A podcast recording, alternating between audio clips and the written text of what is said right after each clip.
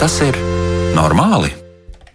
Esiet sveicināti! Ir svētdienas vakars, ir eh, vēls vakars, ārā ir tumšs un eh, arī iespējams tāds nemīlīgs, kā nu kuram liekas. Man tieši tā arī šķita, bet nekas, mēs esam kopā un studijā ar jums šajā vakarā Kristiāna Lapiņa. Un eh, vēl arī kopā ar mums ir Katrīna Bramberga, kura rūpēsies par skaņas kvalitāti. Savukārt jūs no savas puses noteikti varēsiet iesaistīties, jo šis ir raidījums, kurš runā par psihisko veselību, par psihiskās veselības un kopējo dzīves kvalitāti, par šiem visiem jautājumiem. Mēs mēģinām apspriesties, un jā, mēs jautājam ļoti bieži un dažādos aspektos, vai tas ir normāli, kas ar mums notiek.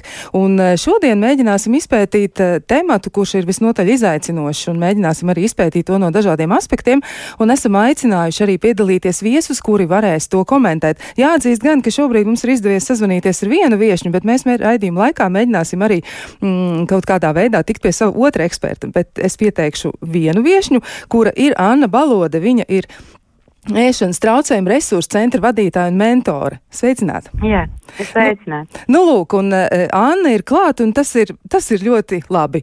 Anna ir, un mēs Annu varēsim arī izvaicāt par ļoti daudzām un, un dažādām lietām, un arī klausītājs noteikti aicinām iesaistīties, jo mēs šovakar gribam apspriest tiešām visu, ko mēs vien varam par ēšanas traucējumiem, cik bīstami tie ir, eh, kā tie izraisās, kā tad galu galā tas tā nākas, ka kāds cilvēks saskars ar ēšanas traucējumiem, un arī noteikti mēs runāsim par to, kā var mēģināt ar šiem ēšanas traucējumiem tikt galā. Nu, lūk, bet um, vēl pirms mēs sākam runāties par to visu, es gribētu arī pateikt, ka ēšanas traucējumi, nu tā kopumā tiek definēti kā pārmērīgas uzmanības pievēršana savu ķermeņa svaram un formai, un to arī pavada neadekvāta, neregulāra un haotiska barības uzņemšana. Un nereti arī pacientiem ar ēšanas traucējumiem papildus ir arī kāda cita veida atkarības. Nu, tātad tur varētu būt ļoti dažādas situācijas. Un vēl Interesanti ir arī tas, ka no visām psihiatriskajām patoloģijām ēšanas traucējumu gadījumā ir visaugstākā mirstība. Nu, ticiet vai ne, bet tā tas tomēr ir.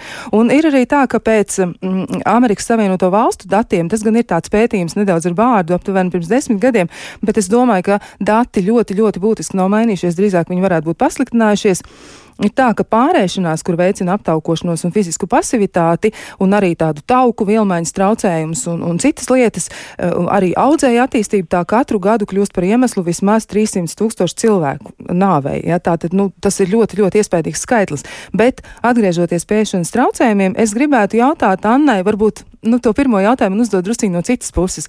Kā tad jūs nonācāt līdz tam, ka jūsu interešu fokusā ir nonākuši ēšanas traucējumi? Mm -hmm.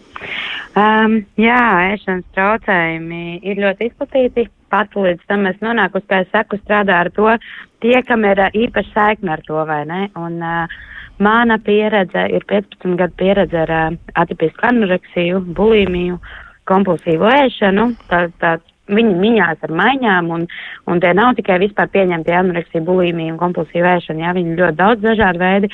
Un es tiem visiem pabīju cauri, uh, arī ar atkarībām. Un, kā jūs teicāt, ja, komplektā. Uh, un uh, ļoti daudzām šīm sievietēm un vīriešiem, kas ar to uh, saskarās, uh, saskarās visādos vecumos, uh, cik es runājis, ir uh, misija. Ja es tikšu ārā, es palīdzēšu citiem. Nu, tā, jo tā, tā ir tiešām uh, nevar aprakstīt, cik grūta diagnoze. Un, uh, un man bija šī misija, ja es tikšu ārā, tad es palīdzēšu citiem. Un uh, šobrīd, jā, es esmu tikus ārā, un tāpēc es strādāju ar ēšanas traucējumiem, lai palīdzētu citiem, kas tajā joprojām ir. Nu, re, kā jūs sakāt, tātad tas prasīja ļoti daudz no jūsu dzīves. Tas bija ļoti ilgs laiks, un arī atveseļošanās paņēma, var teikt, ļoti lielu laika posmu no jūsu dzīves. Bet, ja, ja drīkst vaicāt jums, un tā, protams, ir tāda personiska pieredze, bet vai jūs esat gatavi to atklāt? Nu, kas ir tas jūsu mm. pašas vērtējums par to, kas bija tie apstākļi vai tie iespējamie cēloņi, kas jūsu gadījumā veicināja ēšanas traucējumu attīstību? Jā, uh, konkrēti manā gadījumā, cik es esmu strādājis un analizējis, tas ir viss kopums. Protams, tas nesāks vienā dienā, un, protams, tas nav um, viens tāds, uh, jā, emocionāls notikums, kā mēs zinām, psiholoģisks saslimšana tā ir. Un uh, pārsvarā arī visiem, un arī manā gadījumā, uh, visas saknes bija bērnībā, jau agrā, agrīnā bērnībā, jā, visādi pārdzīvojumi, kas arī bieži ir. Uh, man bija sešos gados piedzim jaunāks brālis, vai ne, un kad vecākiem jāsāk sadalīt uzmanību. Un visādi kopēji faktori, uh, kas bija salikušies līdz uh, nesaskaņas ģimenē, dzīves vietas mājiņa un 12 gados izšķīrās vecāki, kas tad to, uh, kā es saku, to ķirsīt uz kūks uzlika un ēšanas traucējumi nāca nāca ārā kā, kā kāda neapzināta vēlme notievēt. Uh, tas bija mans stāsts, apakšā vēl tur bija seksuāla izmantošana un tā, un šie stāsti, es gribu pateikt, tas nav tikai mans stāsts. Es ikdienā strādāju ar šiem cilvēkiem, un šādi stāsti, katrs otrais stāsts ir ar šādu pieredzi. Es klausos savu stāstu, es, eh, nu, tur ir eh, vecāki pāragri aiziet, alkoholiķu ģimenes, vai kā otrādi cilvēks ir dzīvojis burbulī. Arī man bija burbulis vienā dzīves periodā, ka viss laimīgi, viss skaisti un tā. Un, nu, neizdzīvot kaut kādu sāpi, varbūt, jo viss ir pārāk ideāli un visam jābūt ideāli. Un uh, tas ir ne tikai manā gadījumā, bet ļoti daudzos šajos stāstos. Bet jā, mans gadījums bija tieši šāds. Nu, rekā, tā tad ļoti daudz dažādu nosacījumu. Jūs arī teicāt, nu, viens no tādiem iespējamiem cēloņiem, veicinātāju faktoriem vai arī aspektiem, kas ir līdzdalīgi, ir, piemēram, seksuālā izmantošana. Tas nozīmē, ka mm ļoti grūtas ir tās situācijas, iespējams, ir ļoti grūti arī runāt par to. Un, nu, mēs arī zinām no statistikas, ka liela daļa no ēšanas traucējumiem tomēr ir raksturīgi meitenēm un jaunām sievietēm. Mazāk tas ir raksturīgs jauniem vīriešiem un zēniem, bet tomēr izskatās arī, ka tas ir viens no nopietniem faktoriem. Vai arī tajā praksē, nu, ja tā var teikt, tajā prakses daļā, kur jūs saskaraties ar tiem cilvēkiem, ar kuriem jūs šobrīd strādājat, cik jūs nu, bieži redzat tās lietas, nu, ka cilvēkam ir ļoti, ļoti nopietna, iespējams, ļoti traumējoša un smaga pieredze, un viņš nav par to spējīgs tik vienkārši runāt, bet tas rezultējas nu, kā tāda vēlme vērsties pret sevi. Un, ja mēs, piemēram, runājam par seksuālo izmantošanu, cik tad uh, jums ir nu, nu, skaitļi droši vien tie nebūs, ja, uh -huh. bet mhm. nu, tā, nu, tāds varbūt jūsu izvēlēts raksturojums, kā jums liekas, cik bieži vai, vai cik reti, cik, nu, kā tas uh -huh. ir mhm. sastopams? Jā, es varu teikt, ka tās pieredzes nav konkrēti, var nebūt arī izvarošana, ja tur tāda, kā mums tā, tā aina par to visu. Tā var arī būt tāda pavisam nevainīga, kā pieredze, nu nevis nevainīga, Uh, nu, piemēram, tur ir mammas brālis, kurš ir pieskāries, ja, kurš uh, maza meitene nācis mīļojas kaut kā intīmās vietās, ja, tāda veida arī drausmīgas, uh, kas mūsdienās šķiet drausmīgas, agrāk par to tā nerunāja, ja, kas tas ir jociņš, jociņš, bet es varu pateikt, es vadu atbalsta grupas, un uh, katrā atbalsta grupā, kur ir dalībnieks, nu, vidēji 6, 7, ja, ir viena, divas sievietes, kuras ir saskārušās ar uh, seksuālu vardarbību. Nu, tādu. Um, un arī emocionālu vardarbību no vīriešu puses arī ļoti bieži. Un uh, tas ir jā, diezgan izteikti, un es gribētu arī teikt, ka, uh, lai arī ir tā, ka uh, runā par jaunām meitenēm un puišiem praksē, es varu pateikt, uh, ka man ir grupa, kur ir, uh, nu, es nezinu, 40 plus, jā, uh, visas sievietes, tad vēl ir jauniešu grupa, un šobrīd praksē pie manis nāk trīs vīrieši. Un tas ir pavisam pa īsu laiku sprīdi. Tā kā Latvijā arī vīriešiem ir šī problēma un arī netrūkst.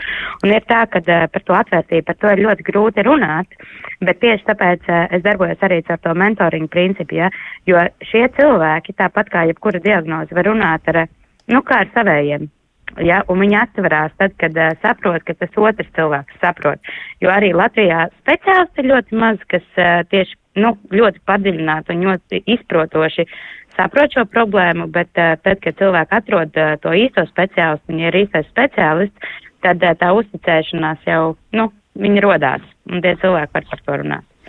Jā, tā ir nozīmīga lieta un iespējams arī, ka tas, ka ir citu cilvēku klātbūtne, tas atvieglo situāciju un atvieglo arī to iespēju aprunāties. Es arī izmantojot izdevību gribu klausītājiem atgādināt, jūs noteikti varat mēģināt mūs sazvanīt. Es atgādināšu arī tālruņa numuru studijā un tie ir 6722 888 un 6722 5599. Ja kādam ir kaut kas, ko gribas pateikt par šo tematu un varbūt jums ir pieredze, ar ko jūs esat gatavi dalīties, vai ir kāds jautājums, Anna, Annai, ko jūs noteikti gribētu uzdot, nekavējieties to darīt. Un, un ja negribas runāt, ja negribas zvanīt, tad noteikti varat arī uzrakstīt. Un te jūs varat izmantot Latvijas Rādio viens aktīvo ziņojumu logu, tad, ja jūs atverat mm, Latvijas Rādio mājaslapu, tiešraides logu, tad uzreiz var ieraudzīt, kur var ierakstīt savu jautājumu vai arī nu, kādu slēdzienu, varbūt ideju šajā saistībā. Un noteikti izmantojiet iespēju gan dalīties ar pieredzi, gan arī jautāt Annai to, ko viņa, nu, viņa tiešām ir ar lielu pieredzi, ja, un, un noteikti jūs varat uzdot jautājumus viņai, viņus visiem tiem, es domāju, ka būs spējīgi atbildēt.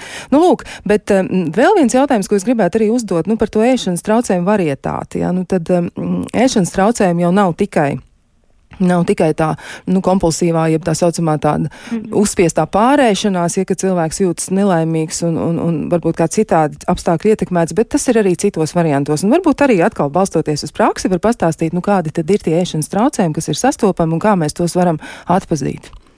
Uh -huh.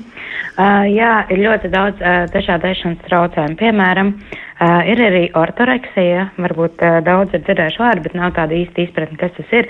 Tā arī var būt pārspīlēti tāda apsēstība ar veselīgu uzturu, ar veselīgu dzīvesveidu. Nu, tur uh, varbūt mēs katrs zinām kaut kur draugu lokā kāds, kas tikai čījās ēklas un, un tā un tā un nekur ne taukvielas, neko. Tas arī jau ved uz ēšanas traucējumiem. Un, kā es saku, ēšanas traucējumi ir emocionāla ēšana arī, ja? bet uh, ēšanas traucējumi ir tad, kad tev jau tavs ēšanas tas uh, paradums un um, paterns traucē dzīvot kaut kādā veidā. Tu mazāk uh, tu izolējies no sabiedrības, piemēram. Ir arī tā, tāda lieta, ja, ka cilvēks vienkārši mājās ēd, tā arī jau ir traucēta ēšana, ja tu neaizēji kaut kur, jo tu nāc mājās ar uh, emocionālu ēšanu. Ir ok, apēst šokolādīti, jo ir slikts notikums, bet nav ok, ka jau tu jau katru dienu nes mājās saldumu kalnus, ja, un, uh, un apētās emocijas. Tas arī jau ir jāmeklē palīdzība. Vēlēšanas traucējumi var būt ir čūlens splita, kā, kad sakošu ēdienu spļauj ārā, ja. Ēšanas traucējumi tā destruktīva uzvedība. Un, um, Un vēl ir nekvalificēti. Nav tā, ka, ka mēs pieņemam, ja ēšanas traucējumi Latvijā tāda cigma, kad ir tādi ļoti kaulēni cilvēki, kas iet pie ielas, ja, ka ir redzēti slimīgi tievi. Nebūtu nē, Tā jau ir tāda, es teiktu, tāda diezgan smaga stadija. Uh, piemēram, ar bulimiju arī var būt uh, normālā ķermeņa masā un uh, virsvaru normas neviens pat nepateiks. Ēšanas traucējums arī man ir uh, sievietes, kuras, nu, es izvēmjos reiz mēnesī, ne? Nu tā, man nav ēšanas traucējumi, tāda baigi trakie. Bet tā nav normāla uzvedība. Un, un nav tikai anoreksija, nav tikai bulimija, ir atipiska anoreksija, ir atipiska bulimija, piemēram, varbūt bulimijas meitenes arī anoreksijas svarā, bet to, nu, tas arī bija mans gadījums, viņas to svaru, um, ja man bija 32 kg zemākais, dabona ar, tieši ar vēmšanu. Nu, tā. Un ne, ir vēl nekvalificēti, kad viņi mijās un uh, Un uh, vēl ēšanas traucējuma, piemēram, arī bulimija nav tikai vēmšana, ja, e, ir arī pārsportošana. Uh, bulimija ir jebkas, kad tu kompuls, um, kompensē to pārēšanos, kas notiek nekontrolēti. Tu kompensē kaut kā tās uh, vai nēd meitenes pēc tam vairākas dienas, vai pēc tam pārsporto. Tā arī ir, uh, tie arī ir ēšanas traucējumi. Tā kā ir arī cilvēki, kas vēršās un saka, nu es tā kā īsti nezinu, vai man ir vai man nav. Tad es lūdzu pastāstīt, parasti kāds ir, nu es jūtos vainīgi, kas ir ļoti raksturīgi, kad ir vainas sajūta par kaut ko apēsto, ja? Ka nav, piemēram, apēd 5 šokolādes konfekts pēc kafijas un aizmirs un aizgāja viss. Bet ir pēc tam tu staigā ar tādu vainas apziņu, kāpēc es to apēdu. Un kad uh, domas jau pārņem pārāk prātu visu laiku domāšanu, ko tu varēsi, ko tu nevarēsi, ka tas jau nav tāda brīvība, ka tu jau esi kaut kā ierobežots un ka tu vairs nevari to, to pārtraukt, jo jebkura diēta sākas, kā liekas, ka tu visu kontrolē, un jā, bet ja tu nevari apstāties ar ātrajām diētām, arī ja diēta no diētas no diētas, arī es ieteiktu vērsties pēc palīdzības, kaut vai, kā es saku, labāk droši nekā žēl, jā, bet laicīgāk vērsties, lai konstatētu, vai ja, ja jums ir aizdomas, Uh, noskaidrot, vai tie ir vai nav, lai, lai no tā vilciena varētu uh, vēl izkāpt. Un, uh, jā, es jau te aizmaldījos, man liekas, no tēmas. Es domāju, ka negluži, jo jūs mēģinājāt raksturot arī to, nu, cik dažādi tā tad ir ēšanas traucējumi, un to tiešām mm, pierāda arī pētījumi un arī tāda, nu, medicīnas, eh, psihoterapijas un arī mentora prakse, ja, ka eh, ir dažādi ēšanas traucējumi, nu, un eh, jūs jau arī mēģinājāt raksturot anoreksijas gadījumā ir svara zudums un diezgan pamatīgs svara zudums, ķermeņa masas indeks būtiski krītas, bet var tiešām būt arī ļoti dažādi un jaukti gadījumi, un arī tas, ko jūs teicāt par bulīmiju, jā, tur var būt tā, ka svars minimāli mainās, un, un no malas raugoties liekas, ka, nu, patiesībā tā kā problēma nav, bet problēma ir. Jā, Es gribētu arī uzdot nākamo jautājumu, un uh, tas varētu būt tāds, nu, jūs noteikti esat uh, noskaidrojuši arī strādājot ar cilvēkiem, kas jums nāk jūsu atbalsta grupās un kur dalās ar pieredzi, kas ir viņu ideja par to, kas ir bijis tas palaidē faktors, jo jūs teicāt, ka jūsu dzīvē tas mm -hmm. ir mhm. bijis, nu, tāds pilns komplekts, ārkārtīgi daudz tādu traumējošu notikumu, bet kas ir tas, ko stāsta šie cilvēki? Mm -hmm. Ko stāsta šie cilvēki? Ui, un kā es saku, tas ļoti sasaucās, es arī lasu pētījumus un tā pārsvarā. Es visiem pirmajā vizītes reizē lūdzu pastāstīt par sevi no trīs gadu vecuma. Visu, kur dzīvoju, kad pārvācās.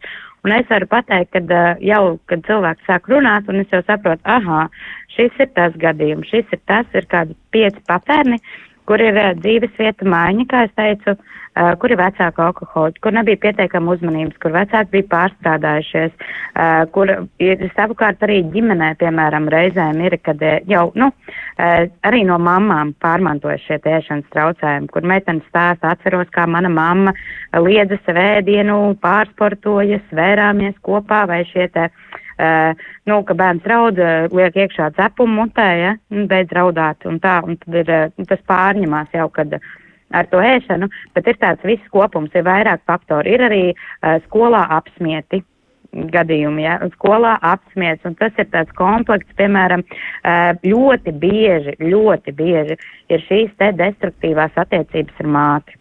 Ar māti, ar tēvu, ļoti bieži meitenes, kurām ir iztrūkus tēta mīlestība, ļoti bieži ir vecāku šķiršanās, ļoti bieži stāstos tas ir, tāpēc, saku, man liekas, tāds, tāds kā saka, pazīstams stāsts. Tad ir mammas, kuras arī vai nu ir šķiršanās, vai arī savukārt savā ģimenē nav saņēmušas mīlestību, un viņas to meitu mēģina kontrolēt, tā kā pārmērīgi to uzmanību. Mammas, kuras grib būt labākās draudzenes, bet uh, bērnam jau vajag, viņam draugi ir skolā, viņam vajag vecāku. Bieži vien ir robežu trūkums arī tāds, un uh, šie stāsti, tur ir šķiršanās, tur ir vardarbīgi vīrieši, bet tas viss pārsvarā, es varu pateikt, nāk no ģimenes, un ne tikai no ģimenes, reizēm arī no dzimtas. Man ir neskaitām stāsti par dzimtām, kas arī manā dzimtā tā ir visu uz izglītību un tā, un ir uh, tur profesionāli sportisti visā dzimtā, bet tu piedzimst kā melnais pīlēns, arī kā es, ja, kurš ir vairāk uz tādu radošumu, uz eh, empātiju un pavisam citām vērtībām, un tu jūties nepiederīgs. Un tad to nepiederīgumu kaut kā tu apslāpē un tu sāc dzīvot tā kā dzimta dzīvi. Ļoti bieži šie stāsti dzirdam.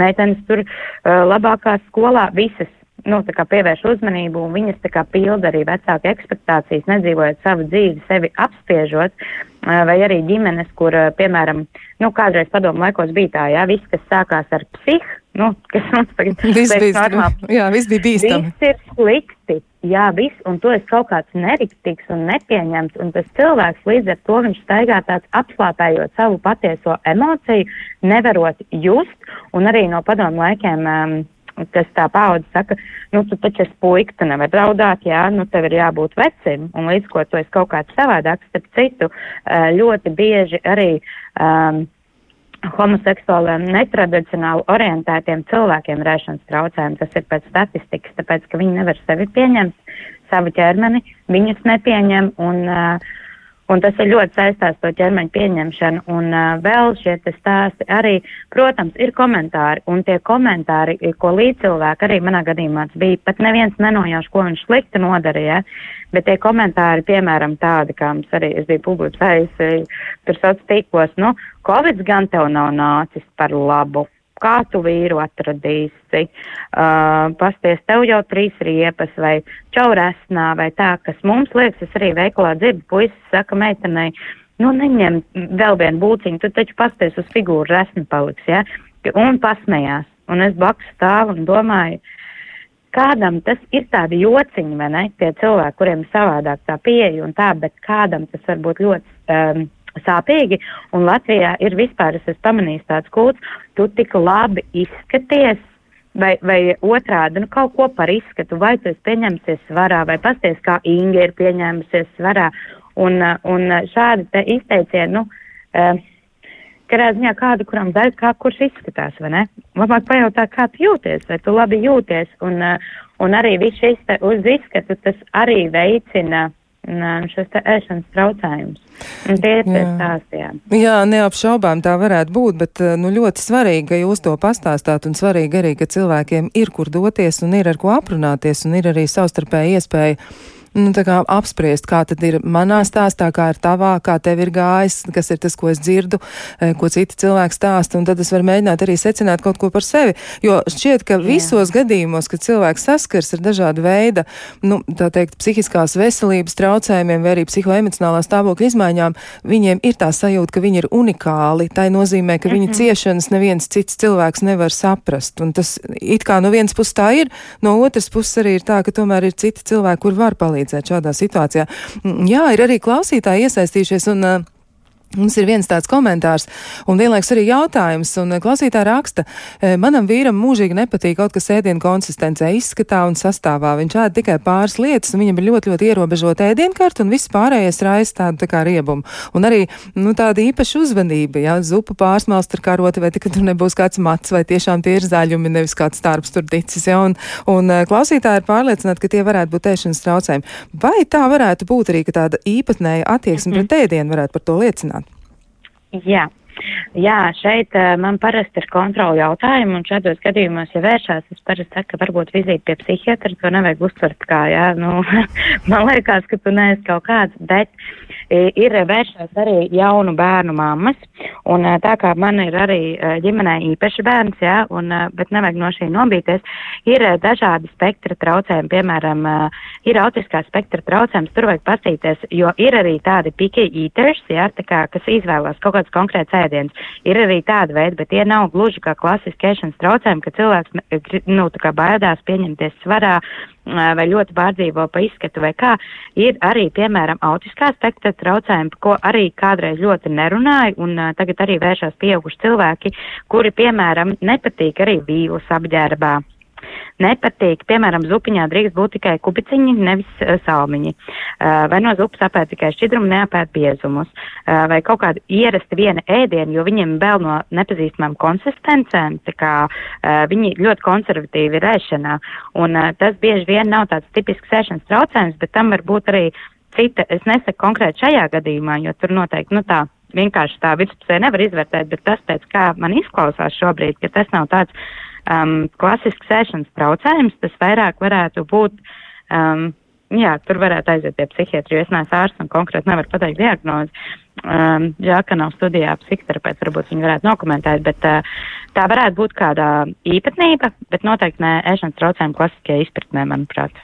Jā, nu tas pēc tā izklausās. Mēs arī, nu, kādā brīdī varbūt arī mēģināsim sazvanīt otru ekspertu. Varbūt mums veiksies, bet ja nē, tad mēs uh, mēģināsim izcilāt tos jautājumus, kas, uh, nu, tomēr tā vai citādi ir saistīti ar ēšanas traucējumiem, bet atturēsimies šoreiz no diagnožu uzstādīšanas. Jā. Bet, bet um, vēl arī noteikti mm, ir vērts apspriest vēl vienu lietu. Ir arī tāds jautājums jautājums, vai šī slimība var būt arī ģenētiski mantota, ja nu dažādi ēšanas traucējumi.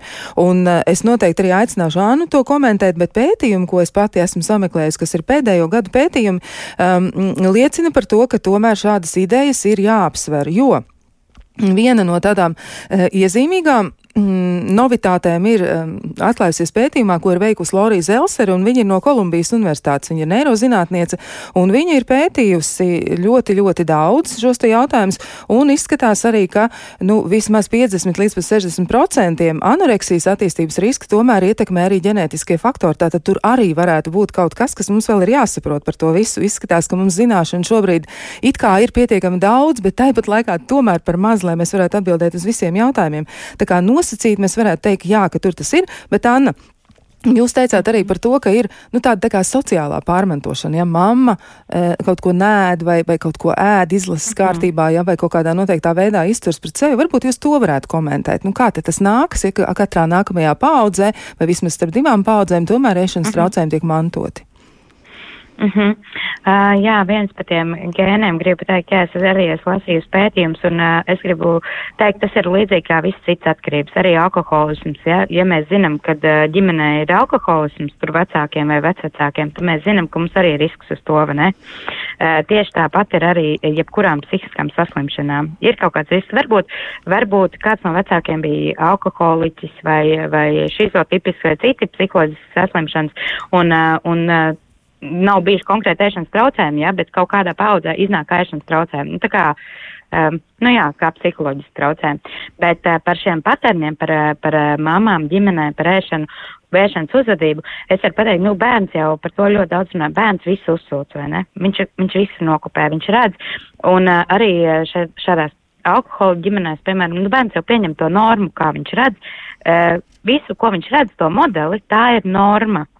Un, eh, un bieži vien arī eh, šos modeļus, ko redz, piemēram, eh, meitas paņem mammas modeli, kuras ar emocionālu varmāku dzīvo. Viņas arī izvēlās tādus vīriešus.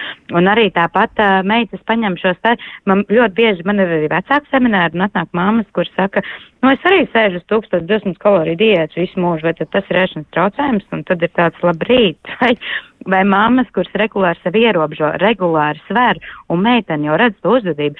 Un arī tas, ka mamma bieži ievērojās, jā, vai kā, tas liecina tā, tad būt apaļākam, tas ir kaut kas slikts, vai ne? Jo kāpēc tā mamma tad, nu, tā ļoti negrib būt, tam man arī tā ir jābūt. Un tās meitas uh, ņem to modeli, un tāpēc es ļoti bieži arī saku, uh, mamām, kas man ir, es saku, nu, es ceru, ka jūsu meitai tā un tā, Nē, nu viņa arī kopā ar mani kāpjas svariem, un man tajā brīdī tāds, nu, trīsgadīgi meitenīt likt uz svariem kopā ar sevi svērt viņa no bērnu kājas.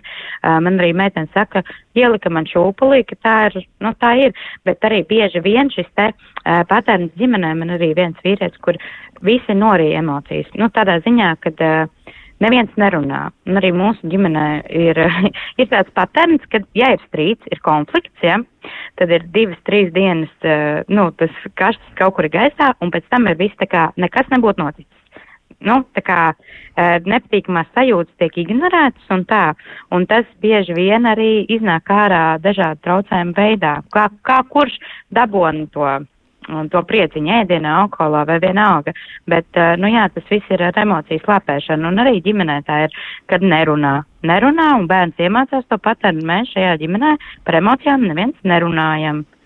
Jā. Uh, vai nesakam viens otram, kad, kad mīl. Viens otram, un tas ir uh, ēšanas traucējumi, kā es saku, ir tāda uh, hronisks mīlestības trūkums. Man tiešām ir uh, sajūta par to tāda, ka uh, ļoti pietrūk šī mīlestība, uzslavas, labie vārdi, kas ir sakrājies visu dzīves laikā, un uh, šīm sievietēm, kā es saku, viņas visas ir kā mazas meitenes. Visas kā maz, mazas meitenes, mazi puikas, šie te puiši, uh, kuri grib, lai samīļo. Un labi vārdi, un tad, kad sesijas beigās es viņus cieši, cieši apķeru, reizēm tās ir asaras, kas vienkārši līst, jo ļoti gribas, lai tevi vienkārši elementāri samīļo un kas ir iztrūcis. Jā, lai tevi apskauj, nevis iedod sirmaizīti vai arī šokolādi. naudu. Vai arī naudu. naudu. Aiziepērcies. Aiziepērcies, jā. jā, un tāda emocionāla distance tā kā reiz arī var ļoti, ļoti būtiski sekmēt ēšanas traucējumu attīstīšanos. Jā, nu, mums ir ļoti daudz vēl ko pētīt šajā te sakarībā, bet eh, mēs uz īsu brītiņu atvilksim elpu un varbūt arī nedaudz iestarpināsim kādu muzikālu pauzi, bet Anna nekur nepazūd, jo -hmm. mēs tikmēr jā. mēģināsim eh, tikt pie otra eksperta klātbūtnes. Varbūt tomēr izdosies.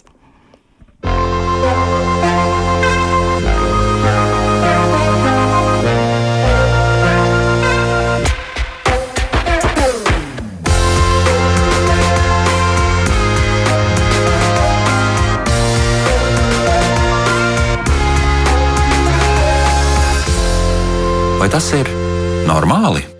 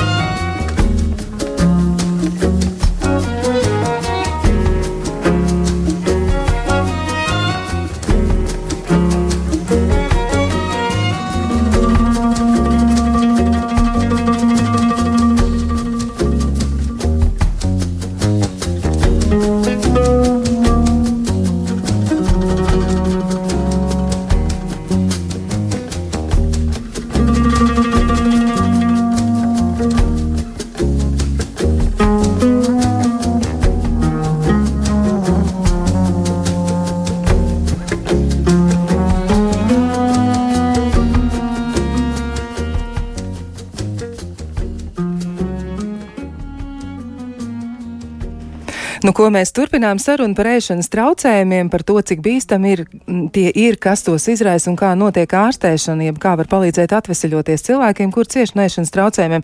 Izskatās arī, ka mums otru eksperti neizdevās sazvanīt, un es arī nu, atklāšu, ka tā bija Zaiga Blāva, kur ir ārsti psihoterapeiti un arī ļoti daudz savā praksē strādā ar ēšanas traucējumu upuriem, jeb ar cilvēkiem, kuriem ir uzvedības traucējumi, kas saistīti ar ēšanu. Viņas pieredze tiešām ir ļoti liela, bet no nu, acīm redzot, kaut kas ir gadījies un mums nav izdevies piekļūt mūsu otram ekspertam. Nu, katrā ziņā no savas puses sūtām sveicienus un ceram, ka viss ir kārtībā. Un tas ir vienkārši kāds tāds misēklis, kas droši vien nu, nav nekas traks. Bet, uh, kā arī būtu, pie mums tomēr ir cilvēks, kurš ļoti daudz arī savā dzīvē ir pieredzējis gan dažādu veidu sekas, gan arī saistību ar. Um, dažādiem izraisītājiem, kas varētu sekmēt ēšanas traucējumu attīstību, un tā ir Anna Baloda, un viņa patiesi, manuprāt, ir ļoti, ļoti iesaistīts, ļoti aizrautīgs cilvēks, un tiešām, kā viņa pati teica, cīnās par to, lai katrs cilvēks, kurš ir saskāries ar ēšanas traucējumiem, agri vai vēl izvesaļotos, un viņa patiešām deg ar visu sirdi par to, jo viņa pati ir tam visam gājusi cauri.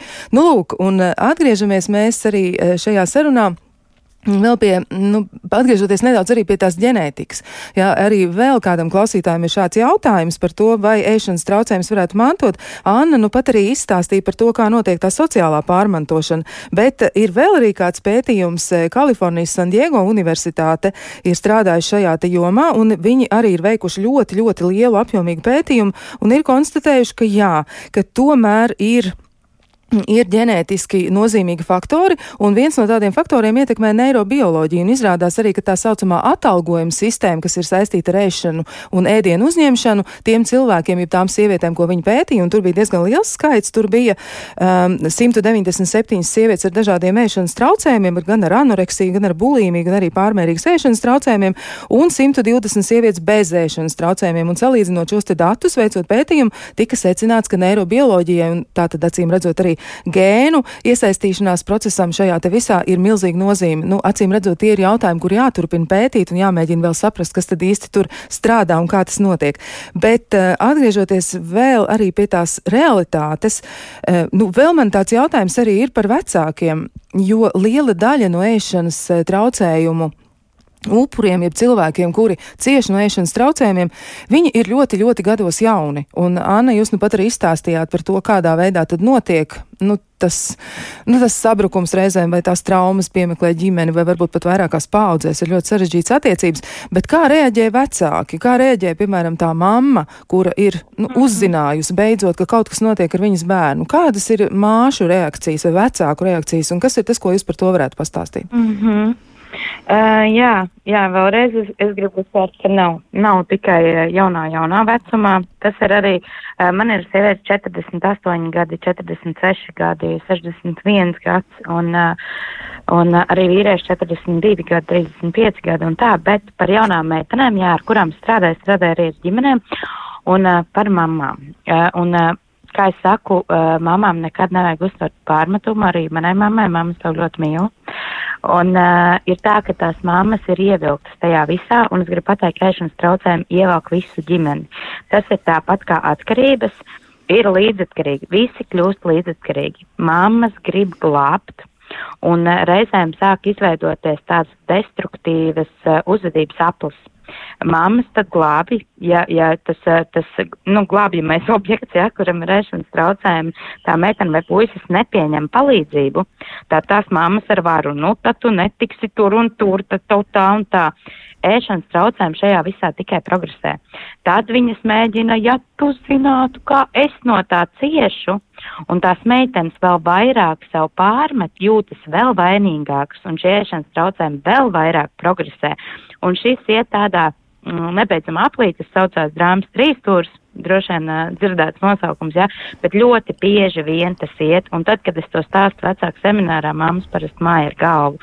Viņas atpazīst savu uzvedību tajā visā, un tas, kā es viņām saku, ko viņas var darīt un ko vajag darīt, ir atbalstīt šo cilvēku, jo tas ir tas pats jūsu mīļais cilvēks, tā pati jūsu mīļā meita vai dēls, um, tas pats jūsu bērns vienalga kādā vecumā. Kā es saku, man šī liksta beidzās 26 gados, ja? Uh, bija ļoti svarīga mamma, uh, mammas iesaist. Un tā, tā tas ir tas pats jūsu mīļais bērns, viņš nav nekāds saplīs sprinteris, kā ļoti bieži mammas atved savus meitas, nu, tā kā salabo. Jā, sataisi. Un, sataisi, jā, mums printers saplīs, un tās meitenes tā arī jūtās. Un uh, arī man bija tā, ka man uh, sponsorēja visus speciālistus un tā, bet ir nepieciešama līdziesaiste, bet nevis glābšana. Es tev atradu un tu iesi vai kā. Bet uh, es tevi atbalstīšu, es esmu šeit, ja tev vajadzēs, es tevi iedrošināšu, visu, bet uh, gaidīt iniciatīvu, nevis vilkt, kā es saku, vilkt beigtu zirgu vai to printeru. Un arī uh, mamām ir ļoti grūti, ģimenei vispār kā tādai, ļoti grūti atzīt savas kaut kādas kļūdas, un mammas sev pārmet, kur es biju vainīga, kad tas viss sākās, no kuras pieļauju kļūdu, un viņas ļoti pārdzīvo to visu, uh, bet turpinās mājās tāda destruktīva uzvedība. Piemēram, mamma tur izmisumā vai kā, un tā meitene izmisumā par to, ka tā mamma ir izmisumā, un tas viss turpinās. Bet, kā es saku, uh, nu, nevar salabot neviens speciāls sprinteri, ja mājās karstos kārtridžus ar šķērēm visu laiku aiztiek. Vai, vai nu, tur pats mēģina kaut ko urķēt un saplēš vēl vairāk, ja? Un, un tā, tam visam uh, kopā vajag, un bieži vien arī mammas iesaistās terapijā, pa ko es uh, novērtēju katru mammu, kas zvana, kas uztraucās, kas, uh, viņām saku, viņas jau dara ļoti labi, vienkārši vēl ir nepieciešams kāds speciālists padoms, uh, kā to labāk izdarīt, kā labāk gribot nenodarīt sliktāk. Un uh, es varu teikt, ka tās mammas, kas vēršās ļoti daudz novērtē, un viena mamma teica, tā ir vis, vesela jauna pasaule vesela jauna pasaule, kas notiek, tā kā, kā ir jākomunicē un tā, bet tā ir, un bet to ceļu kopā ejot var izdarīt, un pats galvenais, ko es gribu pateikt visiem vecākiem, kuru ģimeni šis te ir skāris bērnam vai līdzcilvēkam, atcerēties dzīvot savu dzīvi, savu dzīvi, uzpildīt sevi, savu trauciņu. Sa, nu, piepildīt savu dzīvi, jo parasti tās mammas un līdzcilvēki pazaudē sevi. Nu, tāpēc, ka glābjot, jo ir jāglāb tas bērns, kurš iet tajā atvarā, bet ir jāatcerās, ka pašam vajag spēcināties kaut kur savu, uh, nu, skan tā ļoti ēteriski, ja, bet mm -hmm. kaut kādu nepamest savu aizraušanos, neatteikties no savām draudzenēm, tikšanās ar draudzenēm, tāpēc, ka mājās ir tas bērns, kurš jāglāb, kuram ir jāizstāv līdzi vai tam līdzīgi, jo sākās tāda kontrole neapzināti, ja, jo visi grib kā labāk, bet uh, bet tas tikai veicina augsni tiem ēšanas uh, traucējumiem, tāpēc mamām jāatcerēties dzīvot savu dzīvi, uh, atļauties iet uz to teātri, atļauties iet pie tām draudzenēm uh, vai ar vīru kaut kur ārā kopā, nepa, ne, nu, savu dzīvi nepakļautai slimībai, jo tā uh, slimība, kā es saku, tas ir tāds demoniņš, kurš visus vēl tajā visā iekšā. Bet uh, mamām jāatcerās tam pretoties, ir tas cilvēks priekšā, bet ar atbalstu un līdzās būšanu mēs varam vairāk palīdzēt nekā visu laiku velkot ārā ar varu. Nu, tā gan ir, jā, un ir arī tāds izteiciens, man liekas, diezgan daudzās kultūrās tas arī ir sastopams, bet uh, šķiet, ka tas uh, viens variants nāk no Indijas, un ir tāds izteikums, ko es pat ļoti bieži arī izmantoju, ka tu nevari iedot otram cilvēkam padzerties, ja tava krūze ir tukša, nu, tu nevari uh -huh. remdēt viņa slāpes. Ja tad jātiek galā ar savējām, un sava krūze ir jāpielēj, bet ja mēs vēl mazliet pie tā pakavējamies, nu, tomēr ir tās situācijas, kur mammas ir pašas piedzīvojušas to savu ļoti sarežģīto dzīvi, un tas nav par to, ka bērns ir cietis mm -hmm.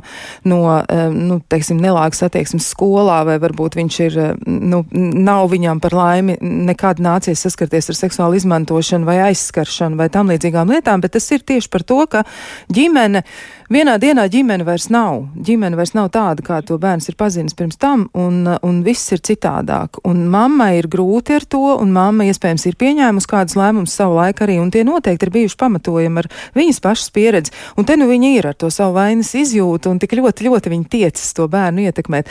Kā tad palīdzēt mammai? Varbūt arī mamām ir jādodas, un arī vispār vecākiem un aprūpētājiem ir jādodas uz saviem terapijas seansiem. Jā, es to ļoti iesaku. Diemžēl šobrīd ir tā, ka terapijas ir ļoti dārgs pasākums, vai ne, visādas nodokļu reformas un tā, bet es saku, līdz ko ir iespēja, tagad ir iespēja tās valsts desmit reizes, vai ne, un ir jādodās arī mamām, ne tikai mamām, arī tētiem, es gribu teikt, nu, visiem tādiem ļoti tuviem cilvēkiem, pat ja mans vīrs tagadējies, ja, kurš draugs ar mani kopā jau 10, 11 gadus, arī viņam tolaik būtu noderējusi palīdzība, psiholoģisks atbalsts, jo tas ir grūti visiem, un es arī tā mamām saku, man gribas ļoti jūs samīļot kā arī viņas atbalstīt. Un, protams, katram šim cilvēkam, katram vecākam, kurš uh, reizēm uh, meitenes sesijā saka, nu, mans tēvs uh, tur nav spējīgs būt emocionāls, viņš vispār, nu, tā kā ciets rieks, viņš vispār neizrāda emocijas, saka, bet arī viņam ir savs stāsts apakšā. Katram cilvēkam ir savs stāsts, sava pieredze, e, savas traumas kaut kādas dzīves laikā. Un es arī, kā es gribu uzsvērt um, čaumaniem vecākiem, ja kāds klausās, kad es piedodu visiem un es izprotu visas situācijas, jo nav mans pieaugušās sievietes uzskats, kurai 32 gadi, ka vecākiem nav jāpaliek kopā, ja viņi nemīl viens otru vairāk. Nu, kad nav tikai bērnu dēļ vai kā, jā. Bet, uh, Bet, uh, ko es vēl gribēju teikt, nu jā, ka viņiem ir jādzīvo sava dzīve, viņiem ir, bet viņiem jāiet terapijā. Tas, ko es iesaku, ir šīs te valsts nodrošinātās reizes izmantot. Izmantot katru palīdzību, ko jums dod, jo, jo lielākā, manuprāt, sāpe tajā visā ir, kad es pats tikšu ar visu galā un vēl no malas cilvēki, nu, saņemies. Saņemies, kas man liekas ir muļķīgākais vārds latviešu valodā. Saņemies vai, vai turies. Ja? Nu, tā kā, un visiem liekas, nu es pats tikšu galā, es pats tikšu, uh, kā es saku, ceļš uz to, ka paliks labāk, ir atzīt, ka ir slikti un ņemt palīdzību. Un, kā es saku, tie nebūtu bijuši man 15 gadi, un manai ģimenei, ja vienkārši, nu, tiksim galā, tiksim galā, tiksim galā, bet uh, ņemt visu, ko dod pretī. Jā, nu tā ir, bet mm, vēl arī tiešām ļoti iezīmīgi arī pētījumos pēdējā laikā tiešām tas apstiprinās, ka ir arī cilvēki, kuriem ir uzvedības traucējumi, kas saistīti ar ēšanu, kuri ir jau nu, tiešām tādā nu, nobriedušā vecumā. Un jūs arī teicāt, ja, ka jums ir mm, kāds no jūsu aprūpējumajiem 60, 61, ja tas ir ļoti tāds jau nobriedis cilvēks, un tajā mm. pašā laikā ir kaut kas, kas viņu ir mudinājis rīkoties tieši tā.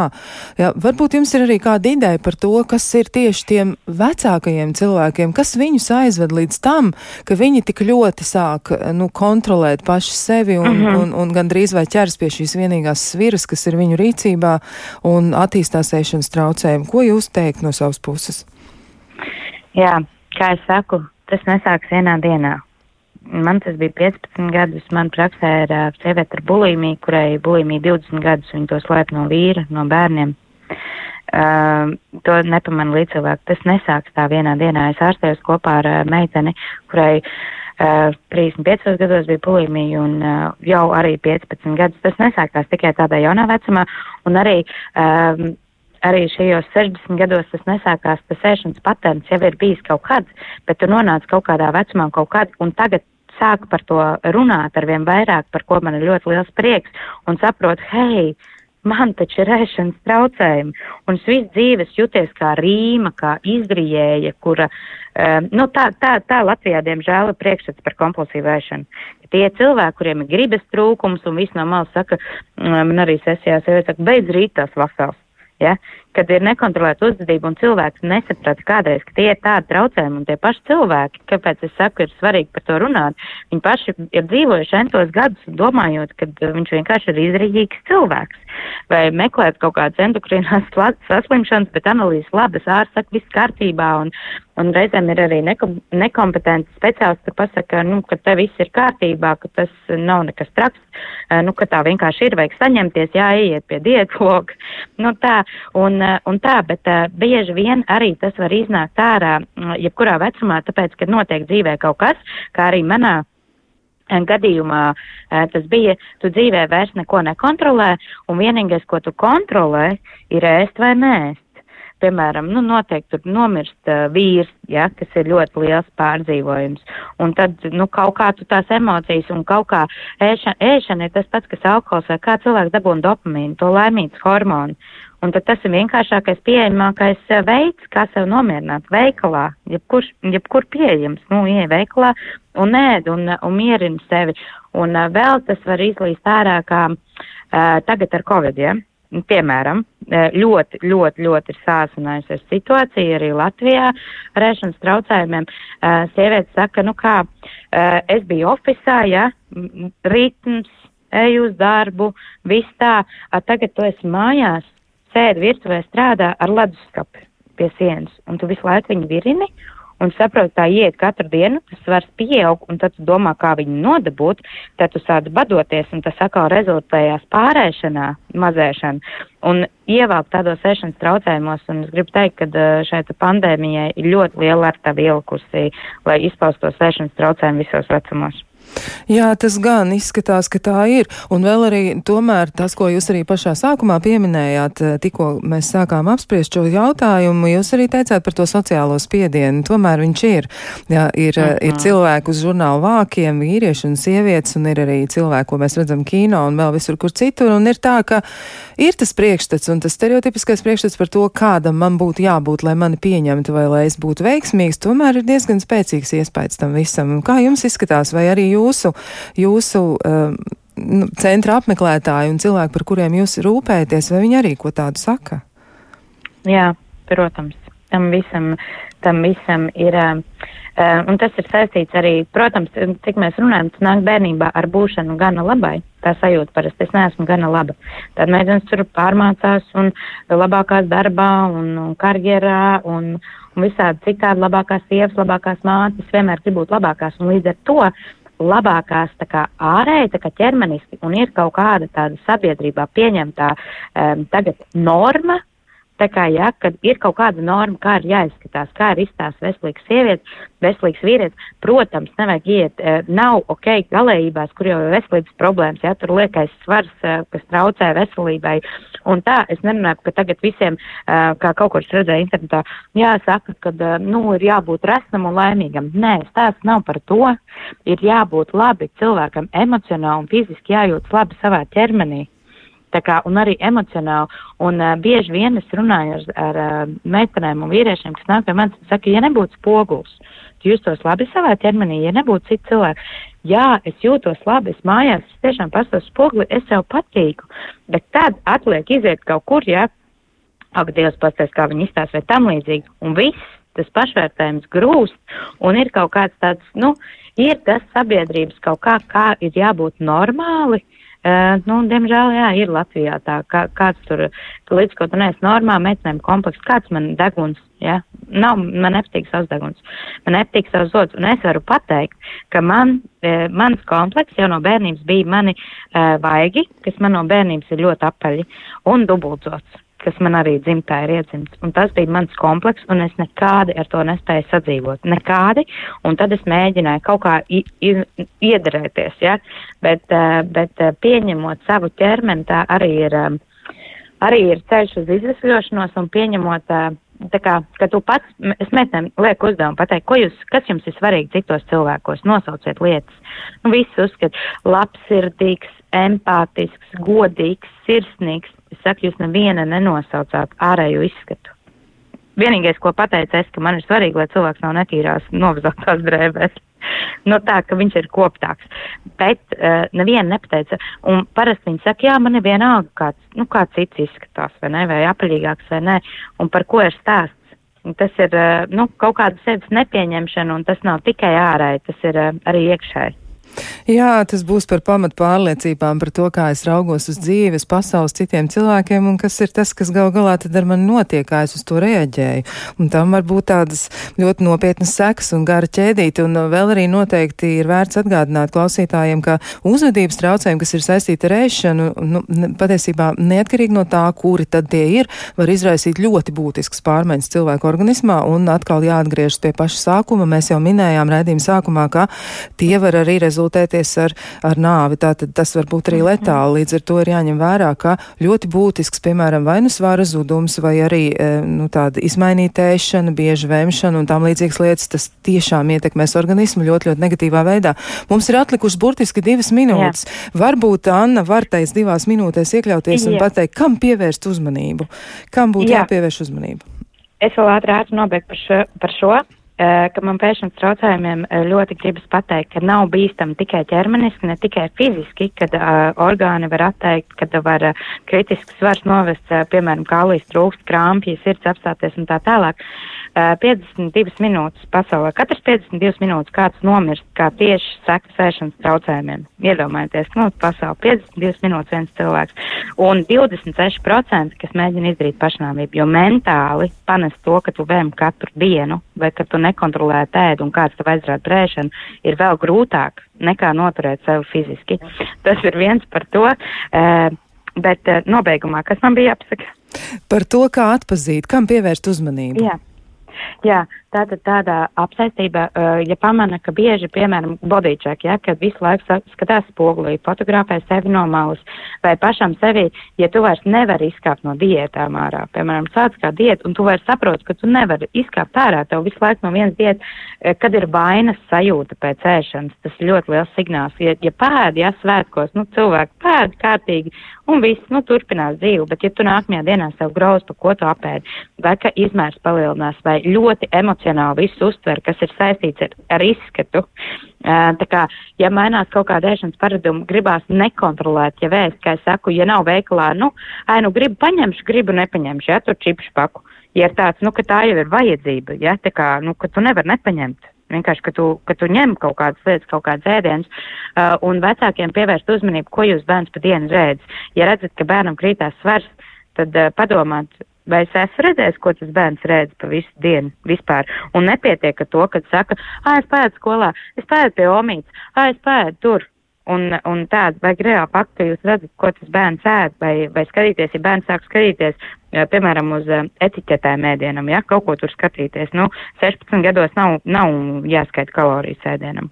Nu, tā, Jā, nu, tā, tad, tā tad visām, visām mazajām niansēm ir jāpievērš uzmanība, un skaidrs ir viens, ka pasaulē ir daudz cilvēku, kuri mēģina palīdzēt tādiem cilvēkiem, citiem cilvēkiem, kur cieši no uzvedības traucējumiem, kas ir saistīti ar ēšanu. Un šoreiz mūsu viešņa bija Anna Baloda, kur ir tieši šāds cilvēks, un viņa darbojas ēšanas traucējumu resursu centrā, viņa ir tā vadītāja un mentori. No Anna, es novēlēšu jums tikai to, ka Es gribētu pateikt, lai, lai, lai jums izdodas, lai jums izdodas ar jūsu aprūpējumajiem, lai jums izdodas un lai viņiem izdodas atrast to ceļu ārā prom no ēšanas traucējuma un lai viņu dzīve tālāk ir laimīga un arī jūsējā. Un Jā. klausītājiem savukārt mēs teiksim, esiet vērīgi paši pret sevi un esiet vērīgi arī pret tiem, kas jums ir blakus, jo jāmeklē ir palīdzība tad, kad ir grūti un to noteikti nevajag kautrēties darīt, jo izēja ir. Mēs to atradīsim Jā. un meklēt to, tas ir normāli.